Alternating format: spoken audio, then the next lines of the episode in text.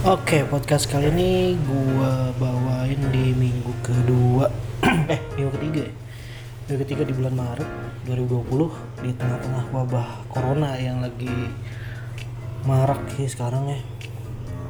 Karena gua ngelihatnya sih pemerintah agak telat juga untuk respon si corona ini. Oke, selamat datang di Desert Live Podcast.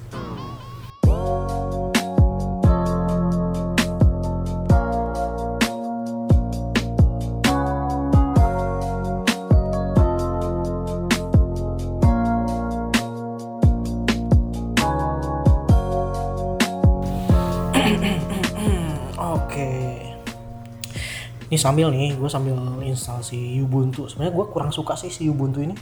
Gak tau kenapa dari dulu pertama gue coba tuh kurang gimana gitu sama Ubuntu. Tapi banyak orang yang apa ya, yang pakai ini banyak juga yang pakai ini karena memang eh, dukungan atau supportnya sih bagus juga sih katanya. Tapi gue belum belum belum apa belum coba secara atau lo coba lama gitu lah belum belum apa? Ya belum coba lama lah gitu baru install coba-coba udah gitu doang. Yang malah yang gue sering pakai tuh OpenSUSE sih.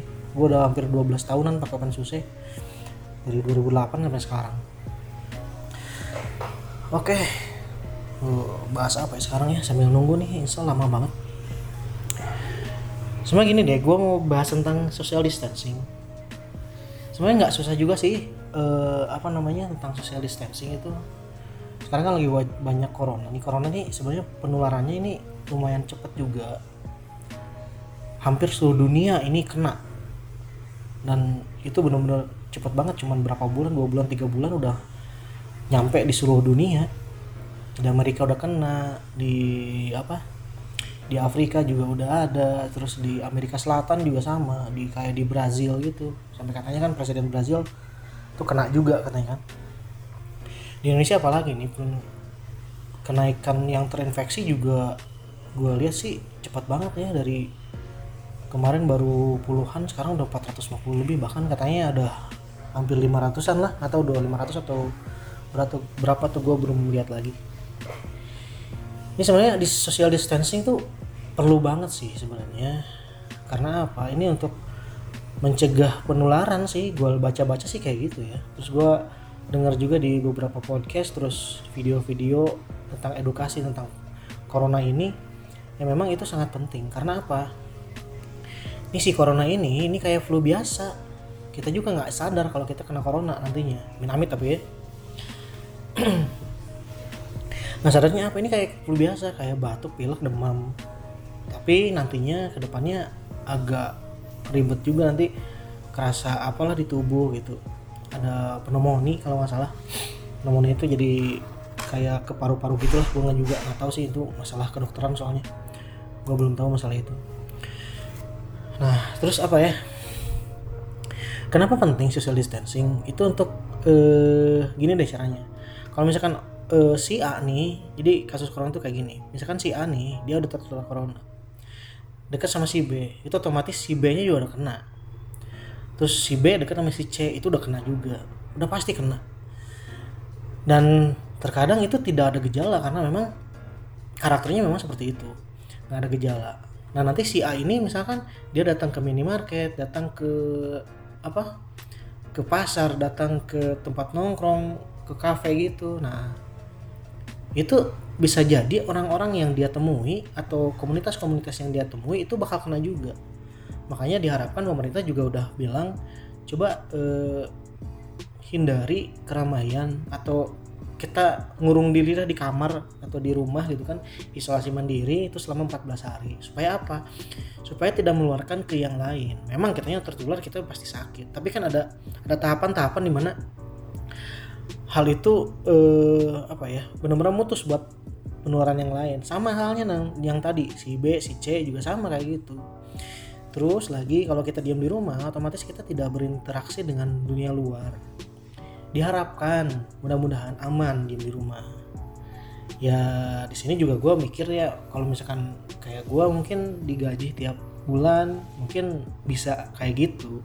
Bagaimana dengan pedagang? Nah justru kayak gini sebagian banyak kan pegawai nih rata-rata gitu kan. Nah itu mungkin bisa jadi bukan egois ya cuman kalau pegawai kan udah pasti dijaji tuh dia diem di rumah.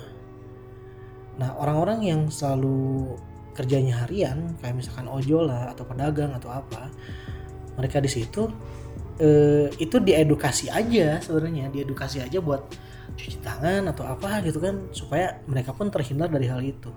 Lebih baik yang lebih baik menjaga dulu daripada pas sudah ada malah bikin ribet semuanya lagi.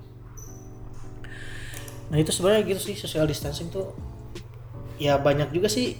Gue nggak bakal ngebahas masalah social distancing secara lugas ya soalnya kan gue juga bingung lah untuk masalah perut nggak bakalan bisa nggak bakalan bisa di apa ya nggak bisa bukan bisa dianulir lah nggak bisa bisa ditolerir gitu kan untuk masalah perut udah jadi udah jadi pasti masalah pokok. Cuma dalam ini gue tadi denger eh, dokter dan seorang seleb lah bilang gitu kan kalau mau ada peran serta masyarakat di situ. Masyarakat masyarakat yang jadi udah udah jadi konglomerat gitulah. Masyarakat masyarakat masyarakat yang memang udah kaya. Bilang mereka sumbang karena masalah corona ini bukan hanya masalah pemerintah tapi masalah negara.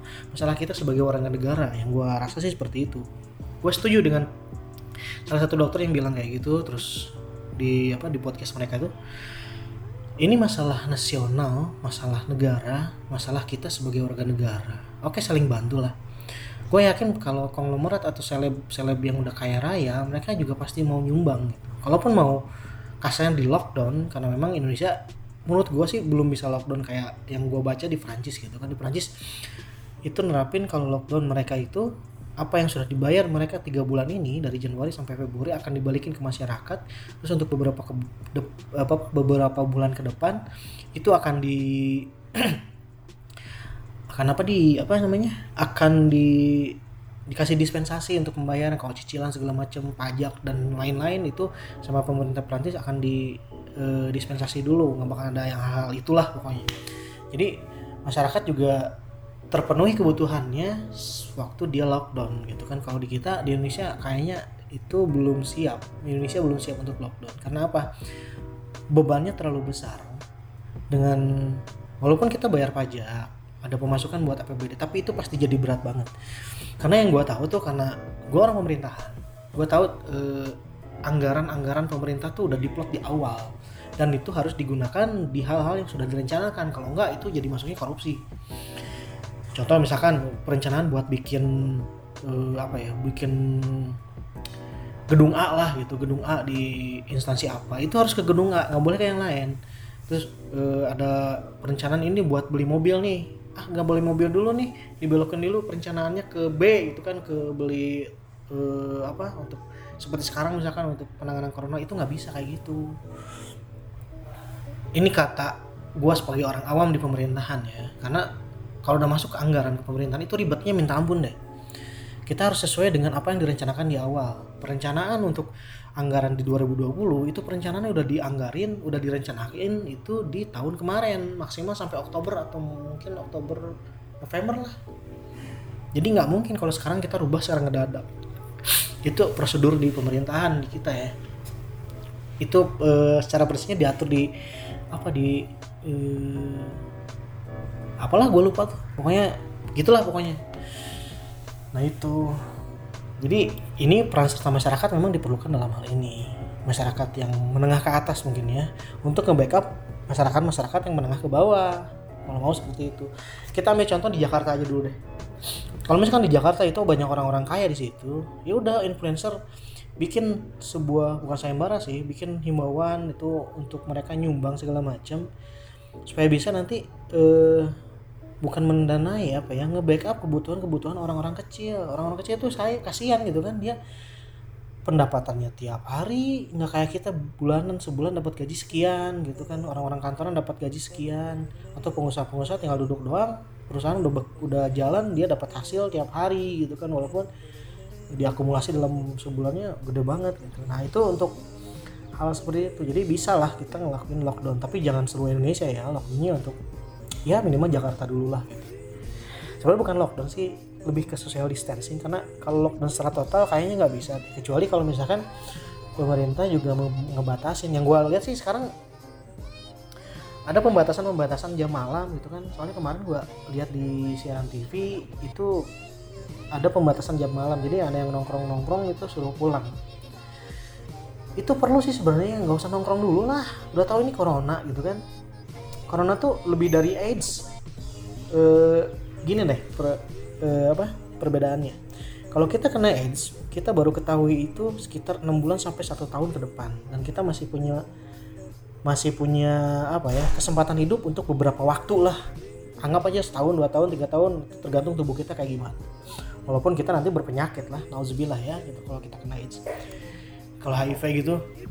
Nah kalau corona ini saat kita kena itu paling cuma berapa minggu atau berapa nggak sampai sebul sebulan kita kalau imun kita nggak kuat kita bisa mati.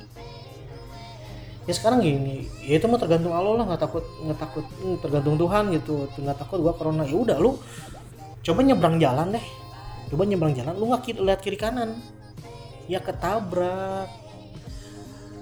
Maksudnya di situ kita buat ikhtiar kita menghindari itu. Bukan berarti kita takut sama corona tetap takut sama Tuhan. Tapi bukan berarti takut karena corona itu menduakan Tuhan takut ke penyakitnya? Enggak juga itu salah satu ikhtiar. Barulah tawakal nantinya. Kalau kita ikhtiarnya udah jelas ya baru tawakal serahin kepada Allah. Serahin kepada Tuhan jangan ini cuman apa namanya? Ah gua nggak takut corona. Corona tuh sadis. Saat lu kena corona lu pas waktu dirawat itu nggak bisa ditemenin. Lu nggak bisa ditemenin sama siapa-siapa gue jamin deh. Lu nggak bisa ditemenin sama keluarga lu yang lu yang ada lu berjuang sendiri saat diisolasi di rumah sakit. Cuma ditemenin perawat itu juga satu kali dua kali doang ngeliat lu. Dan dia pun pasti pakai baju APD gitu. Eh APD itu apa ya? Ah, perlengkapan diri lah pokoknya. Alat perlengkapan diri. Oh iya alat perlengkapan diri. Dia udah pakai kostum kayak jas hujan gitu. Dan lu pasti belajar apa berjuang sendiri di situ buat kesembuhan lo. Lu nggak bakalan bisa. Andainya lu mati lu bisa ngeluarin ke yang lain. Makanya lu nggak bakal dimandiin cuman ditayamumin dibungkus plastik yang buat anti infeksi gitu lalu di ya dikubur. Lah masih mending kalau dikuburnya tahu kalau enggak nge- emang sedih nggak sedih gitu kita nggak nggak didatengin waktu kita mati gitu. Maksudnya nggak dijarahin waktu kita mati emang nggak sedih? Ya pasti sedih lah. Ini penanganan apa? Penanganan lagi. Ini corona tuh lebih sadis dibanding HIV serius deh gue bilang HIV masih mending kalaupun dia kena HIV masih bisa dimandiin. Jenazahnya. Tapi kalau udah corona ini nggak sama sekali dimandiin. Cuman langsung ditayamumin terus dibungkus pakai kantong mayat gitu dikubur. Yang nguburnya juga nanti kalau dia nggak pakai APD ya kena juga corona. Ah gitulah pokoknya. Ini misu-misu gue ya sebenarnya apa ya ya gue pengen bahas pentingnya pentingnya lu social distancing sih sebenarnya di sini. Yang yang gue nggak tahu juga ini bermakna atau enggak buat lu. Dan ya itulah. Contohnya gini gue kemarin malam minggu tuh malam minggu sekitar jam tujuan gue coba keluar karena kabel charger HP gue tuh ketinggalan di kantor gitu. Nah gue coba wah ke sana dulu lah bentar gitu kan karena HP gue udah mati banget udah mati bukan mati banget udah mati juga nggak bisa nyala lagi takutnya ada telepon penting. Ya udah gue coba eh, apa? Gue coba ke tempat ke kantor gue buat bawa itu. Nah di situ gue ngeliat di situ banyak orang yang masih berkerumun. Banyak orang yang masih nongkrong banyak orang yang masih apalah gabung sama geng-geng motornya gue kasih tahu ya kalau misalkan nggak ada penting-penting banget jangan keluar deh mendingan di rumah aja mendingan mending mendingan mendingan di rumah aja lo istirahat. Apalagi gini malam minggu otomatis itu nggak bakalan pulang jam 9 jam 10 lah. Lu pasti pulang jam 12 aslinya kurang tidur daya daya imun lu juga ntar menurun daya tahan tubuh lu juga ntar menurun. Coba ikuti as anjuran pemerintah deh. Lu kan selalu nuntut nih pemerintah nggak bisa ini nggak bisa itu. Lah sekarang pemerintah punya anjuran lu ngelanggar semua. Ya kan? Ya gue saranin sih seperti itu ya. Jangan sampai lu jadi ngerepotin orang. Emang dirawat karena corona? Mudah. Enggak. Lu bakal nularin ke saudara lu ke keluarga lu ke adik lu ke anak lu. Terus ngerembet semua. Dan sekarang gini lu dapat corona di jalan nih. Lu pulang ke rumah kena sama istri lo kena sama anak lo kena sama bokap nyokap lo nah dari nanti yang saudara lu itu keluarga lu di rumah dia ke warung. Orang warung juga kena juga nantinya. Dan terus itu ngeremet makin luas makin luas. Akhirnya itu nggak bisa dibendung. Coba deh jangan kayak gitu deh. Lu ngalah dulu deh. Lu lu jangan bikin bercanda nih corona nih bukan candaan sebenarnya asli. Ini bukan candaan bukan candaan lah. Ini bukan candaan ini serius. Makanya lihat di Itali mereka kewalahan. Nah contohnya gini nih di Italia itu pemerintah udah waktu itu udah udah bilang ada kebijakan buat social distance. Akhirnya eh, mereka ngeliburin sekolah terus ngeliburin juga apa namanya kampus kantor juga work from home. Nah tapi mereka malah dipakai untuk bermain lah wisata belanja di mall sana sini segala macam akhirnya apa? Sekarang lihat di Italia kematian perharinya itu lebih dari 400 jiwa yang meninggal. Dan di kuburnya pun itu nggak tahu. Itu diangkut sepa, sama mobil apa sama truk-truk militer dan itu dikubur massal saat itu. Itu nggak tahu siapa yang mati keluarga siapa keluarganya siapa itu nggak tahu yang mati siapa. Lu sedihnya sih kayak gitu? Lu sadar nggak sih kayak gitu?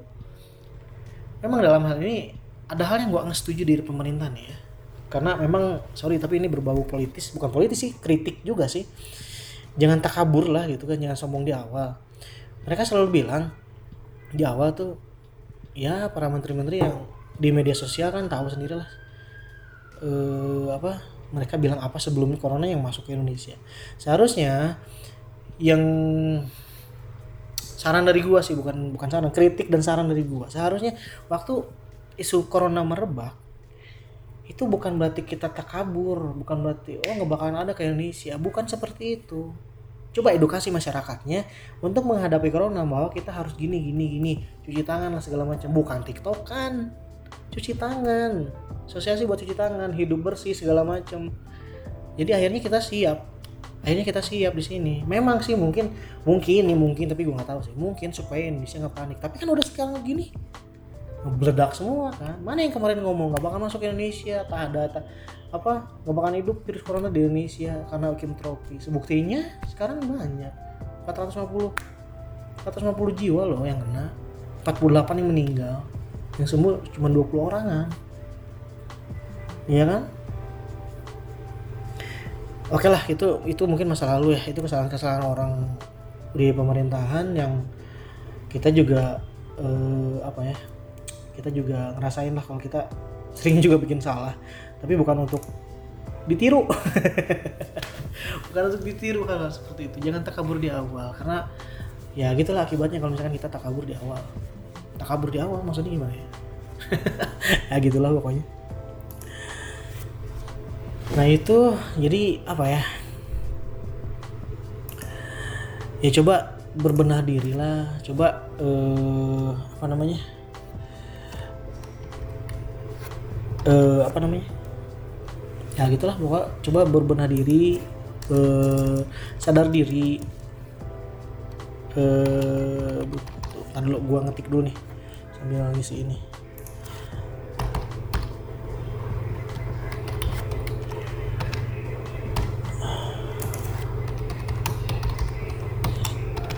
Oke, sekarang kita lanjut lagi. Oke, kita lanjut lagi nih. Nah itulah, jadi kita bercontoh dengan ke Italia lah. Dan gue berharap sih ada media yang ngeliput kenapa Italia kayak gitu sih sebenarnya.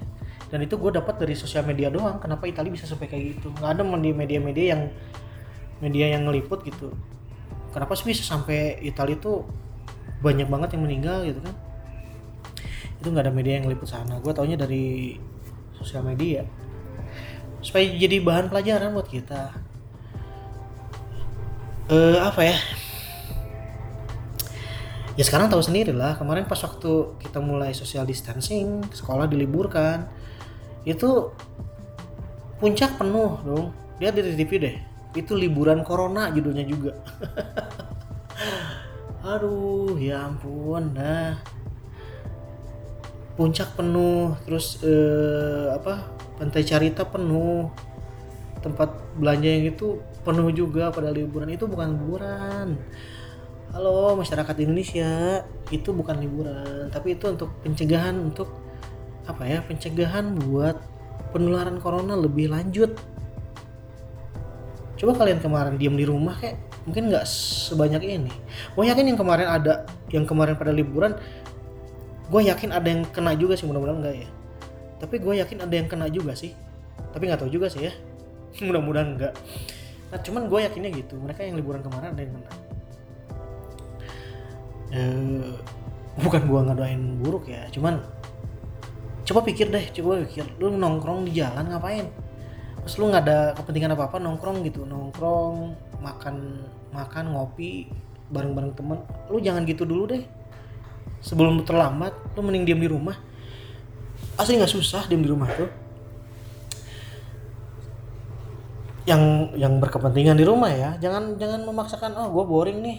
Berarti gue penting keluar. Bukan kayak gitu juga. Selama lu berkecukupan di rumah nggak di rumah terpenuhi ya udah diam di rumah aja lah. Kasihan nanti kasihan keluarnya juga kalau lu kena corona gimana? Ini corona. Dan gue gue nemu nih gue nemu gue nemu video.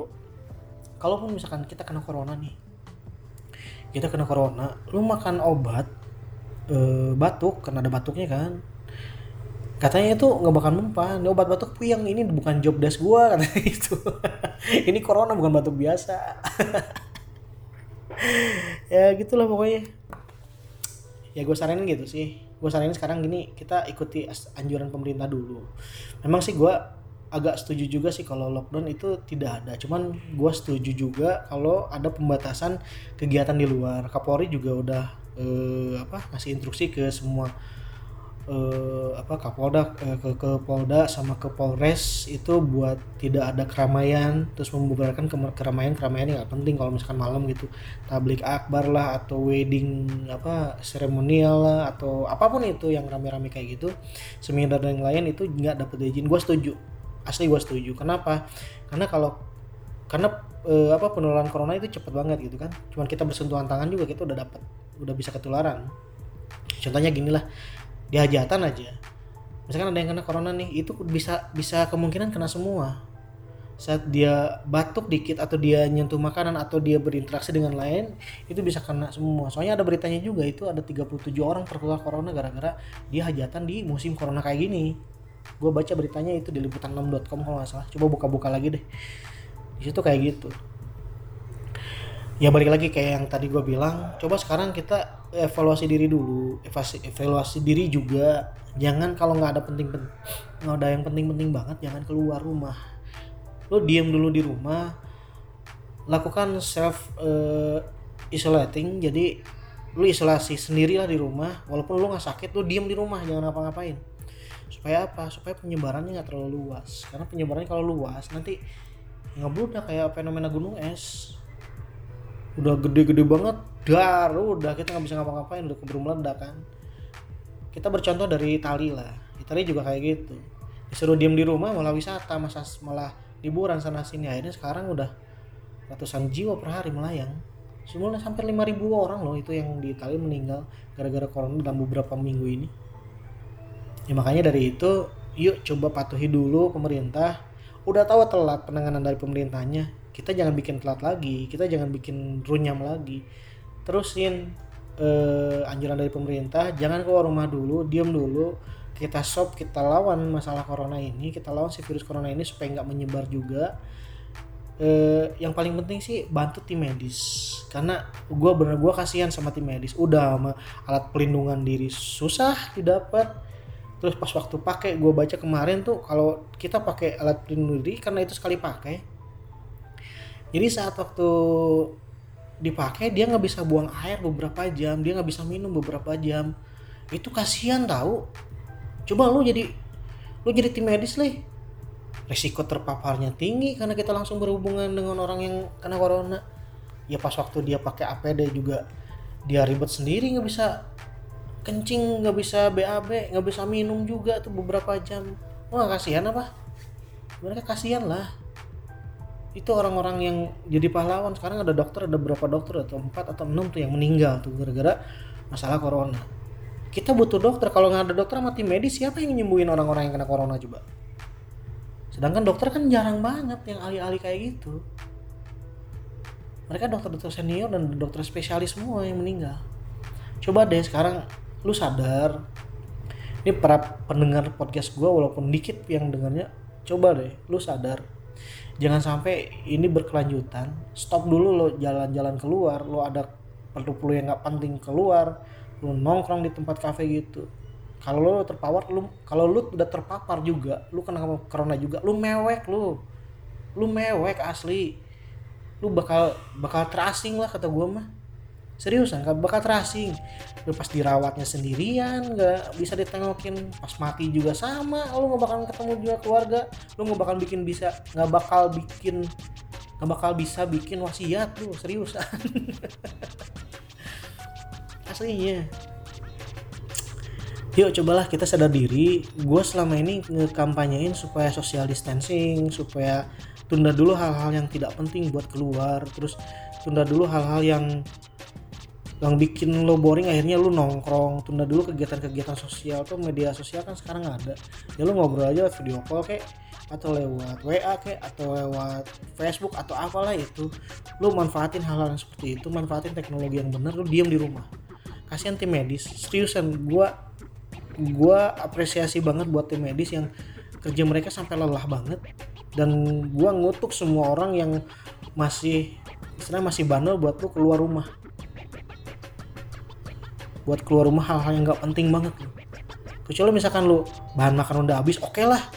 Tapi lu buru-buru masuk rumah dan waktu masuk rumah lu cuci tangan lu bersihin diri lu mandi kalau bisa. Mandi junub empat kali guys sekaligus tuh.